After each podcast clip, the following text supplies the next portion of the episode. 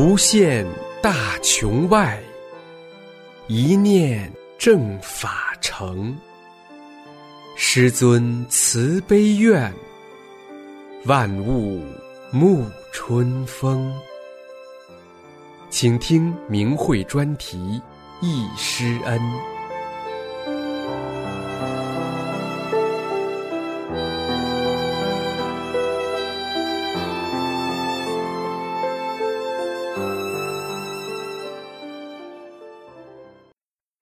请听明慧忆师恩专题文章，题目是《回忆在清华第一次见师傅的情景》，作者北美清华大法弟子。文章发表于明慧网，二零一五年五月二十三日。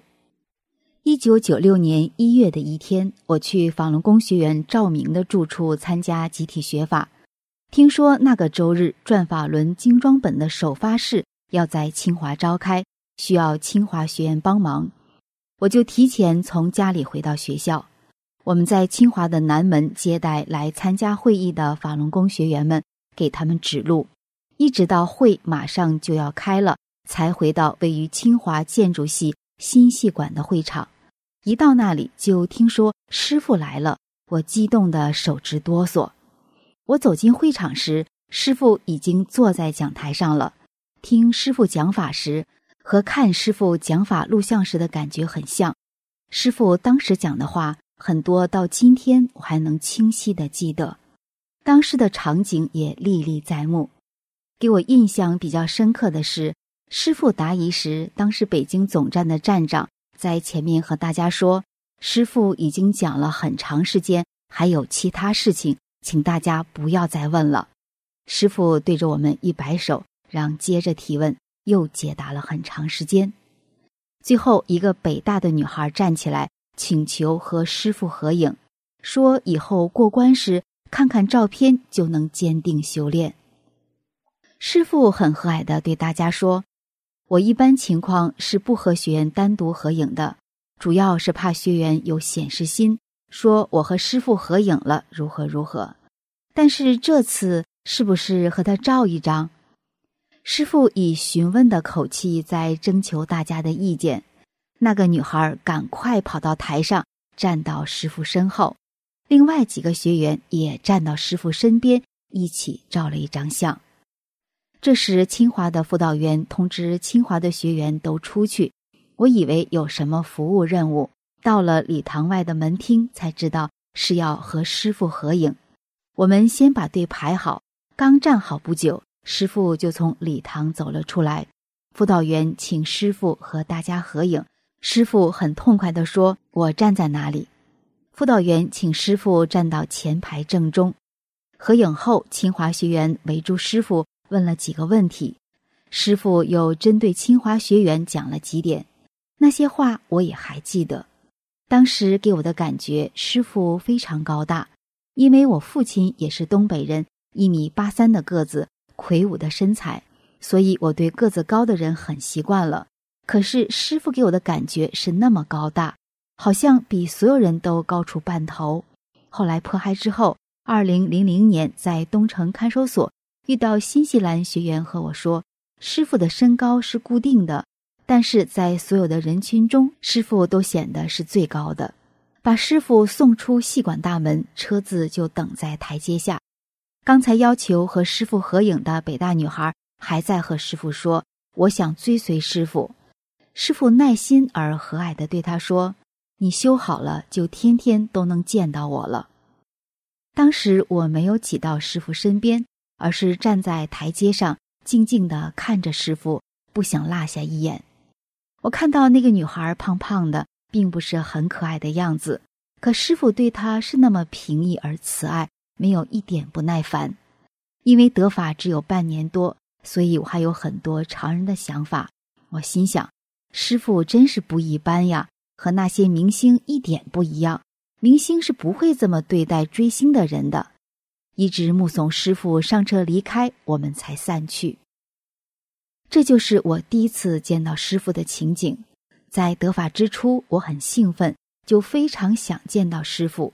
虽然到那时为止。我的人生是一帆风顺的，从小是父母的掌上明珠，以优异的成绩从重点中学上到清华大学，未经考试直读研究生。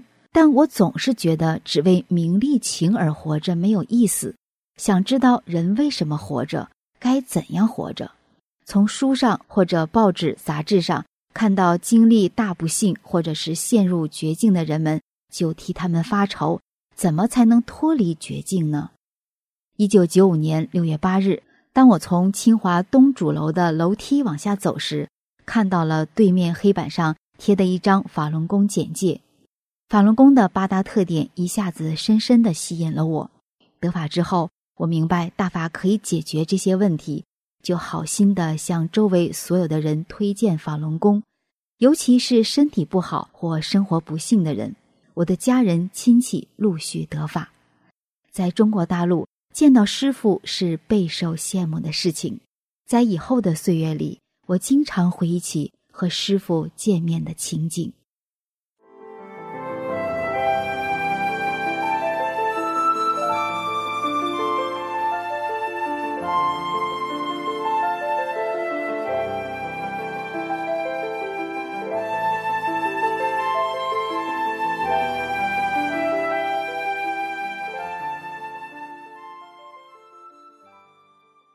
请听明慧忆师恩专题文章，题目是“回忆几次参加师傅面授班的情景”。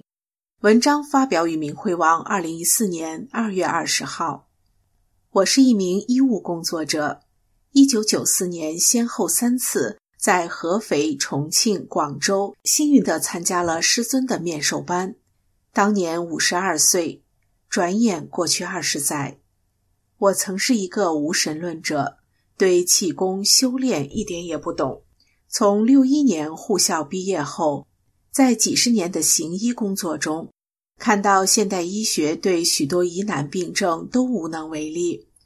九二年，我有几位同事因患癌症四处求医，但无法治愈。一九九三年，他们经人介绍去外地学练法轮功后，出现奇效。绝处逢生，并带回法轮功宝书传给同事们看。我得知后，请来宝书阅读后，意识到这不是一般的气功书，而是一部高德大法。书中特别要求注重心性的修炼，五套功法简单易学，是真正性命双修的功法。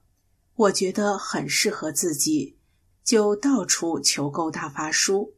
到九三年底才请回宝书，如获珍宝，爱不释手，并下决心要修炼。一，在合肥面授班的点滴回忆。九四年四月中旬，师尊在合肥举办面授班，全国各地来了一千六百多人，我市也去了四十多人。由于工作关系，我事先没赶上集体订票。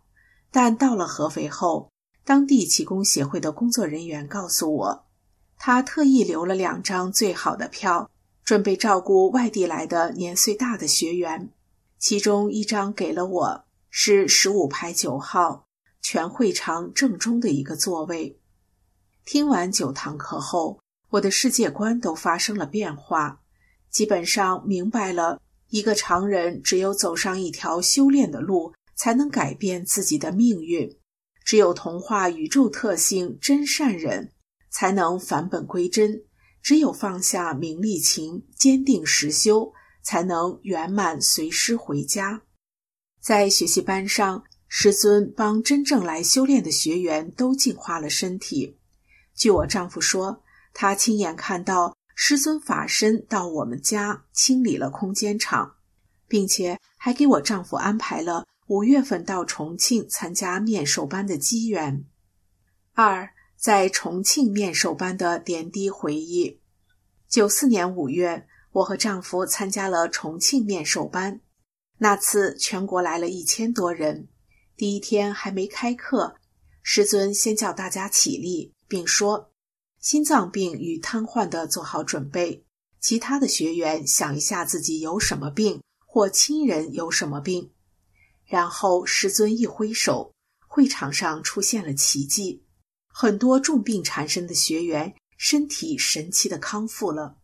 我丈夫多年的严重心脏病和其他病痛不翼而飞，曾饱受病魔折磨的他，在心得体会里写道：“现在我是无病一身轻。”面授班结束回家后，他就恢复了正常上班。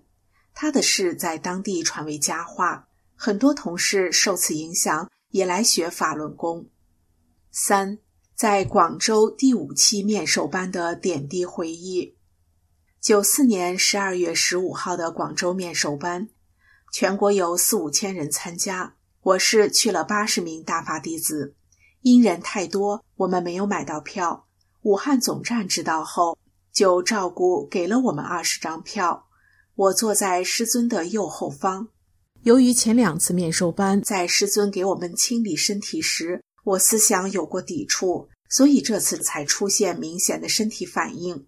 到广州后，一下火车，我的双腿就浮肿得特别厉害。面授班到第五堂课时，师尊说：“前一阶段没有太按大法要求做的老学员，这次净化身体时反应会重一点。”我心中暗暗吃惊，不知自己还会有什么样的反应。结果当晚出现咳嗽，到面授班结束那天，我的嗓音完全嘶哑失音。症状持续一月才恢复，师尊帮我消掉了一个非常严重的业力。从广州面授班回来后，多年来我再未吃过一颗药，精力充沛，节约了一大笔医药费。这一点充分证实了修炼法轮大法的超常。事实说明，不是法轮功不让人吃药，而是修炼大法后道德回升，身体健康，从而。根本不需要吃药。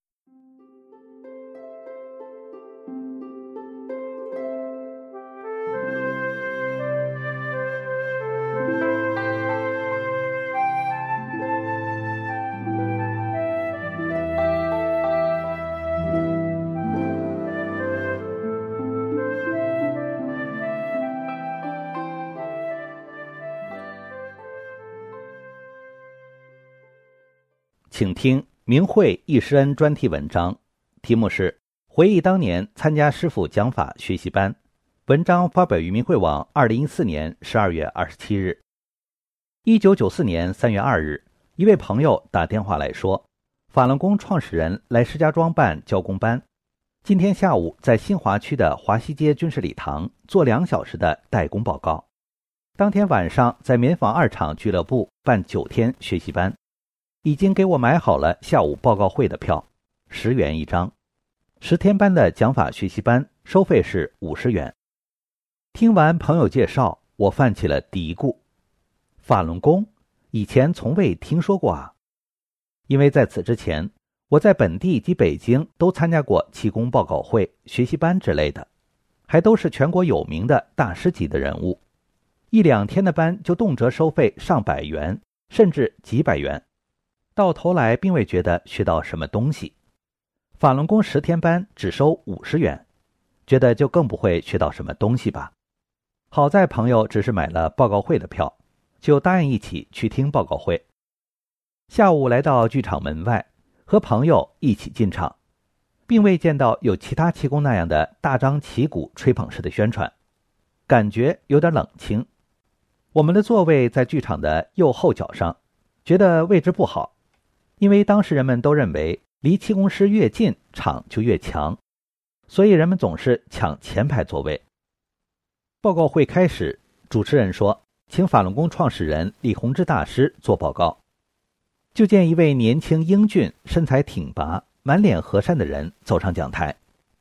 师傅简短的介绍了法轮功是佛家功法的历史后，就说：“法轮功能治病，但法轮功传出来不是为了治病的。”是为了往高层次上带人。李老师还讲，佛家是讲缘分的。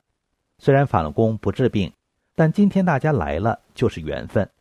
不管你修炼不修炼，可以为今天到场的每人治一种病。如果本人没病，可以想家里人的病。李老师讲，给大家调理身体的时候是打出去法轮，法轮在你的病灶部位旋转，就是给你在调整身体，就是在给你去病。李老师先让大家想一下自己想要治的病。当时我患有慢性胆囊炎，就见李洪志先生在台上用右手一挥，瞬间我的胆囊部位就像灌进了一股冰水，并且在胆囊部位旋转。剧场内顿时响起雷鸣般的掌声，大家都有感觉，为能遇到李大师而感到幸运，为法轮功如此神奇而感到惊叹。铁的事实彻底动摇了我用金钱衡量好坏的观念。紧接着，我就参加了师傅亲授的十天讲法班。第一天晚上，我在自行车存放处看到一排自行车倒在地上，这时。我看到师傅出现在倒地的自行车旁，就见师傅弯腰一辆辆扶起倒地的自行车。我的心里很激动，我觉得法轮功师傅本身就是体现正和善。来到礼堂坐好，此时的我已经因为参加报告会改变了要靠前坐的想法，认为坐哪儿都一样。讲课时间到了，师傅准时坐在讲台上，讲的第一句话就是。希望大家不要迟到，来晚了会影响别人的。联想到刚才见到的一幕，我突然冒出一念：师傅想到的总是别人。师傅讲课没有讲稿，也没见师傅喝一口水。师傅坐那儿讲，也没见师傅有思考的时候，就是那样自然流畅。听师傅的讲法，就像从收音机里听故事一样，我听的是那样入神。我感觉师傅把我想知道的、想要了解的问题都讲清了，而以前我根本没有认识，也根本不可能认识到的，也都听得明明白白了。听师傅讲课真是一种享受，两个小时的时间总是转眼就过去了。我就是盼着在第二天的课上继续聆听师傅的教诲。在第一天的讲法后，学练法轮大法的第一套功法。师傅亲自讲了法轮功的功法后，由老学员教功。当时我正在闭眼学练时，感到有人在纠正我的动作。过一会儿睁眼，看到是师傅正在纠正我身边的学员的动作。这在我参加的其他公派中根本不可想的事儿。十堂课下来，我觉得我已经不是以前的我了，我的世界观彻底改变了，明白了修炼就是返本归真，法轮功。就是我要的。在讲法班快结束时，有学员提出了和师傅照相的事儿，这其实是全体学员的一大心愿。师傅当场满足学员的请求，并提出如果能自己照最好，可以节约学员费用。师傅真是处处为学员考虑。照相那天，近千名学员按听课证的序号，每五十人一组，共分成十九个组，分别和师傅合影。其中还有很多单独和师傅合影的，师傅总是有求必应，走来走去满足学员的要求。我把这一天看成是最盛大的节日。实际上，学员们都和我一样的心情，大家穿上最整洁的衣服，怀着激动的心情和师傅留下了最美好的合影，也为自己留下了最美好时光的见证与回忆。为师父慈悲众生、弘传大法留下了历史的见证。记得合影照发下来的时候，还退回三毛多钱，那是做这件事的同修按师傅的教导，尽量为学员们节约下的。当时外地已经走的学员，还用邮寄的方式连同照片寄给学员。这张照片伴随我修炼大法二十年，虽历经中共疯狂抄家、残酷绑架迫害。我一直珍藏到今天。每当我看到师傅的这张衣着整洁、简朴、风尘仆仆的照片，总是感到师傅给予我们的一切，我们永远也无法报答万一。一九九四年三月八日晚上，师傅解答完学员们的提问后，学习班在学员们的依依不舍中圆满结束了。从此，大法却永远在石家庄扎下了根，留在了大法学员们的心里。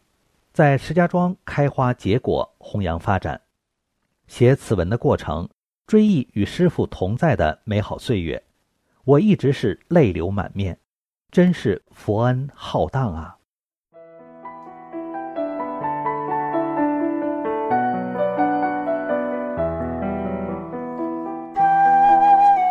您现在收听的是明慧专题《易师恩》。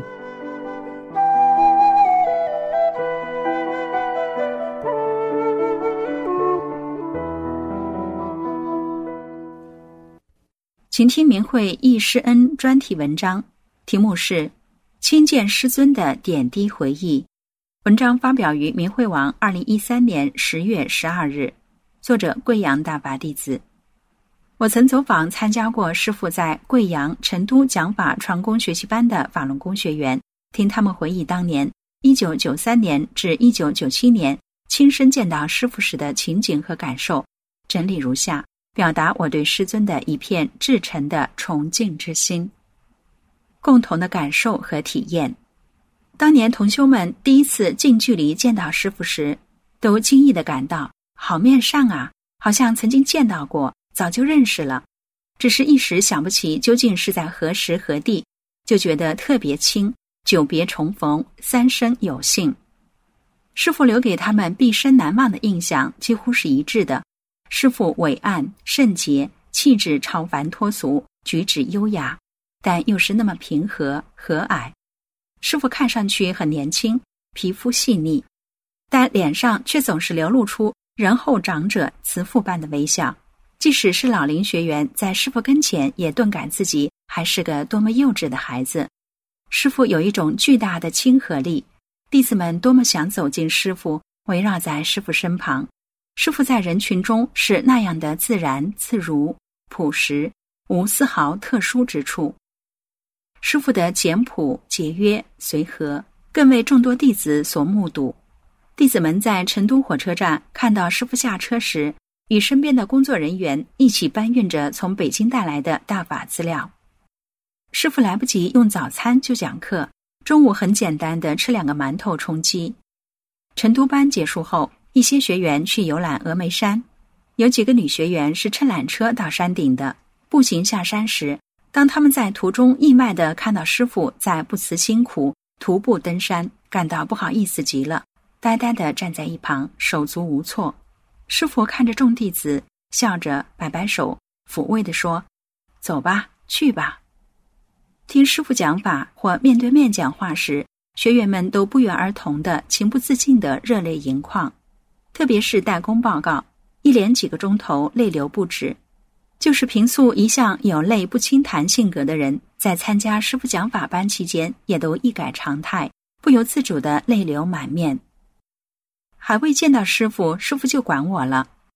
A 同修以前是个文艺体育的爱好者，业余时间经常出入于运动场和公园，各种舞蹈、气功、太极拳、剑等都学。有一天，他偶然路过一个集体活动场地，分明听到一种非常舒缓美丽的乐曲，看到一群中老年人在乐曲中闭目盘腿打坐，安详宁静，那种氛围一下子吸引着他。他久久驻足观看，觉得这一切是那么美好。从此，他就走入了法轮大法的修炼中来。从他生下大女儿后，就患上严重的失眠症，一直到大女儿结婚生子。近三十年间，顽固的失眠症却久久折磨着他，药和体育疗法皆不起作用，非常痛苦。可是就在成都传法班开课的前一天晚上，上床就寝，不一会儿居然就睡着了，而且睡得很熟很香。多少年了没睡过这么美好的一觉，醒后兴奋地说：“还未见到师傅，师傅就管我了。”从此失眠症豁然而愈。晨读班结束，他身上的所有病痛皆不翼而飞。他写了一份心得体会，双手交给师傅，感恩的泪水流个不停，千言万语凝成一句话：“师傅，您救了我，谢谢您。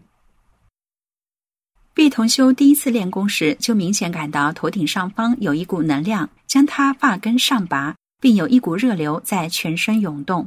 当时是冬天，他却觉得身体暖融融的。好像周围围着火炉子。谢同修当天成都班结束，师傅挥手向大家告别时，他清楚的看到五颜六色的法轮莲花满天飞舞旋转，满场都是，纷纷落到学员身上。现场学员身体得到清理，远在他地的亲人也驱除了疾病。地处偏僻的贵阳，得天独厚，能万分有幸，承蒙师傅先后三次亲临贵阳讲法传功。师傅曾对贵阳弟子说：“贵州山好水好灵气好，是修炼的好地方。”师傅在贵阳讲法，凡参加学习班的学员，短短几天，所有的病痛皆消失，这是普遍的现象。地同修之前才三十多岁，就患上多种疾病，偏头痛、胃病、子宫炎、风湿病等。贵阳一期班下来，病一扫而光。地同修的女儿一直肚子痛，检查时血小板减少，肺部有阴影，医院随之开了一大堆药。第二天带女儿参加学习班，七天班后，女儿没吃一粒药，去医院检查，血小板恢复了正常，一大块阴影消失。肚子不痛了，她丈夫的肝炎转氨酶是三个加号，经常疼。李同秋参加成都班，师傅在讲法中给全场学员清理身体，让全场起立，跟着号令整体跺脚，左右脚轮换着跺，把病气排出去。心里想一种病，自己或家人都可以。她自己的病在贵阳班都好了，她就想丈夫的肝炎，随着师傅的号令跺脚。回到贵阳家中，丈夫肝部不痛了，医院检查转氨酶的三个加号已消失。毕同修在成都开班前一天晚上失眠症就好了，所以在跺脚时也想贵阳家中丈夫的病，丈夫的病也好了，丈夫从此走进了大法修炼。我的命是师傅给的，我的命是师傅给的，是走访 A 同修时他说的第一句话。A 同修开始讲述他见到师傅前后的故事。在我未出世前，已经有三个姐姐了。嫌弃女孩的母亲又常抱怨不应该生下三姐和二姐。母亲的怨恨，三姐死了没多久，二姐也离世。母亲在痛苦之余，像是明白了什么，灾祸是自己抱怨来的。母亲怀上我后，不敢再乱想乱说，发誓不论男女，定要带好我。我出生后，母亲怕失去我，就找瞎子算命。瞎子跟母亲说：“你女儿是荷花为人，就是前世是荷花，今生转世为人，所以她的命很脆，要好好待她。十二岁时命才有根，成家时的男子不能找同龄人，那样做他只能活到三十岁就会离世。要找年长很多的，才能增你女儿的年岁。为了活命，成家时硬找了比我大十多岁的男人。”取命的事，在我修炼的前后曾经发生过多次。修炼前一天，站土炉子上擦铁炉子烟管上的灰尘，不小心摔了下来，不歪不斜的坐在土炉子与铁炉子中间低一些夹缝中的煤桶上面，双腿还盘着。儿子正从厕所出来，说：“妈，你摔倒了，快起来呀！”我说：“你看我怎么出得来？”儿子一看我被夹在两炉子中间，挤得紧紧的，说：“妈。”你咋摔成这样事儿？儿子搬动铁炉子，我才从中出来，活动身子，发现哪儿也没碰着。修炼后才知道，是师傅为了我能入道得法，一直在保护着我，看护着我，不然怎么可能摔不坏呢？摔倒时像被一股力量塞进两炉子中间的煤桶上，稳稳的坐着。修炼后，在成都班之前一天夜里，仰卧床上，一阵剧烈的咳嗽。一团浓稠的痰从肺部咳出，却堵在喉咙，喘不过气来，人都快要窒息了。我清醒的意识到，这痰是来取命。正在这时，我突然看到天花板上无数法轮在转，我感到身上有了力量，猛地坐起来。这一猛劲儿才顺过气来，吐出来了。眼前又出现各种各样人头像，有古代的、现代的，有中国的、外国的，走马灯似的，一个挨一个转。我大喊。师傅救我！这些头像隐退，接着出现了观音菩萨飘落在眼前的被子上，消失了。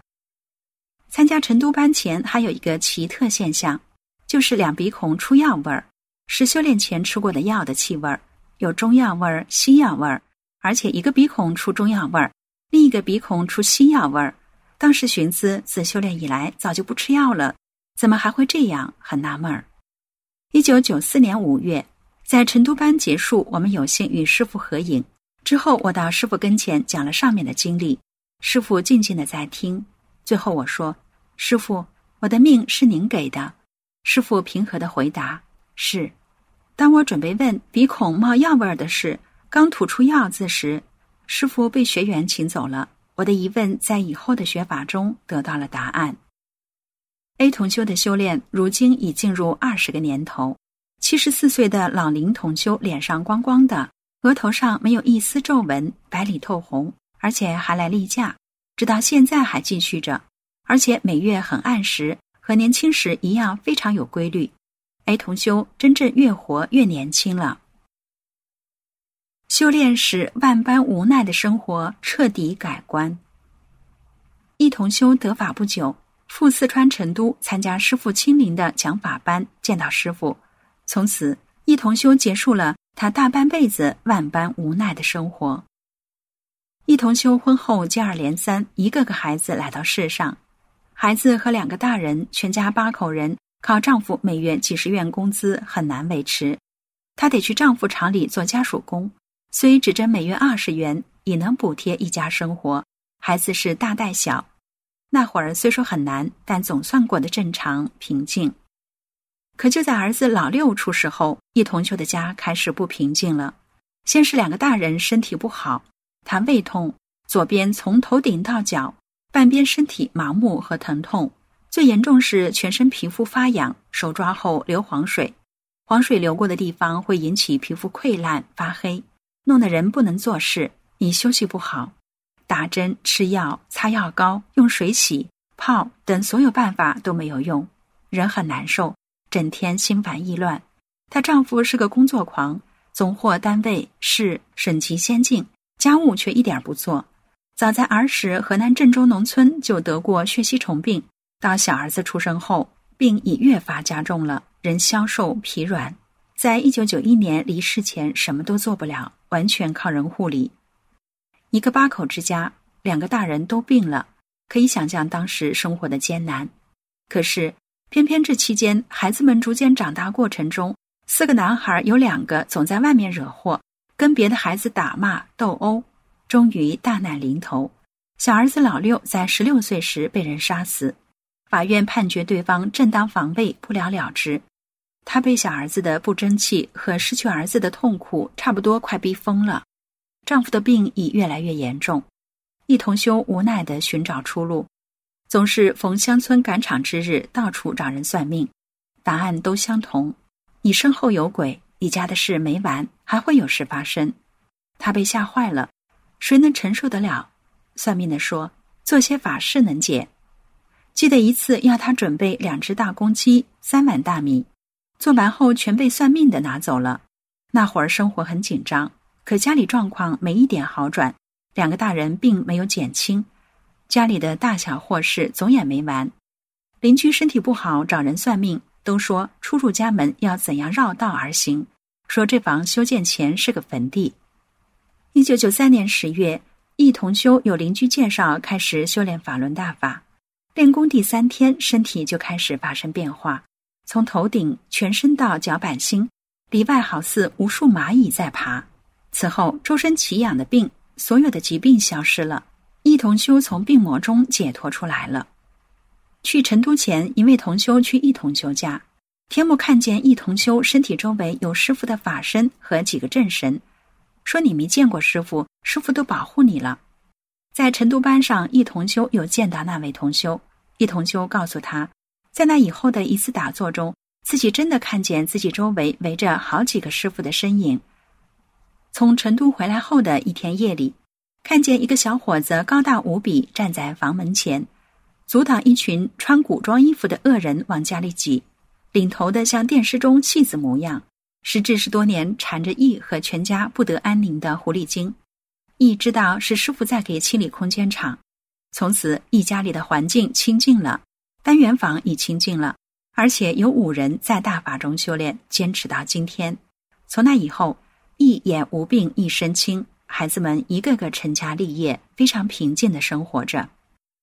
一同修在一九九四年五月的成都学习班上聆听师傅讲法，后与师傅合影留念。看见师傅听同修讲述修炼中的奇迹，一同修总是站在一边看着师傅，双眼含着泪水。内心呼喊：“师傅，是您，是大法改变了我的命运。摆脱了那大半辈子万般无奈的生活。谢谢师傅，谢谢师傅。